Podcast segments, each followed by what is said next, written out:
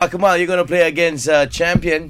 E- what? Yeah, the name Johanna translated into English is champion. Yeah. Yeah. Mal, what do you want to play? Question game. Yeah. Situation is Uh-uh. uh two fella, two Uh-uh. guys. Two guys, huh? Line up at canteen. Three to one, spontan. Johan, how much that food price? Uh, how long we have to stay here? What kind of food you want to choose? There's any good food? Can you take for me the nasi lemak for uh uh, uh Tak. Okay, can you take for Can me the you nasi take for me lemak? Oh. Nasi lemak. Kau berhenti kat situ. Can you take for me the nasi lemak? Ah. okay. Ah, okay. Ah. Why you so scared? Ah, lah. Johan, can you ask for the price of curry? ah, why you repeat, repeat the question? Uh Johan, where we want to eat? Ah. What do you say? Johan, can we eat over there? Oh, okay. Kau cute lah. Kamal. Over where? Johan, real wanna eat what?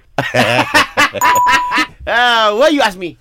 Johan, you can ask about food. What is your question actually?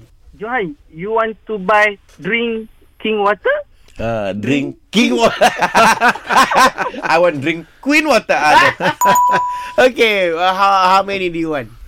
Johan, the teacher uh, wanna buy the food or not?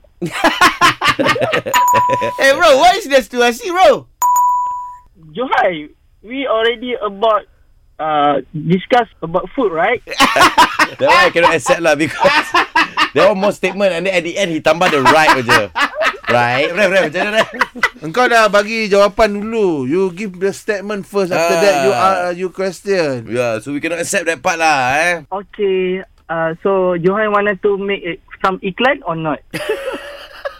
You just umum lah. You brother. go lah, go, go for you win lah. Ah, you go for it lah. Eh. Abang Johan, Ya. Yeah. uh, today you the winner. Yeah.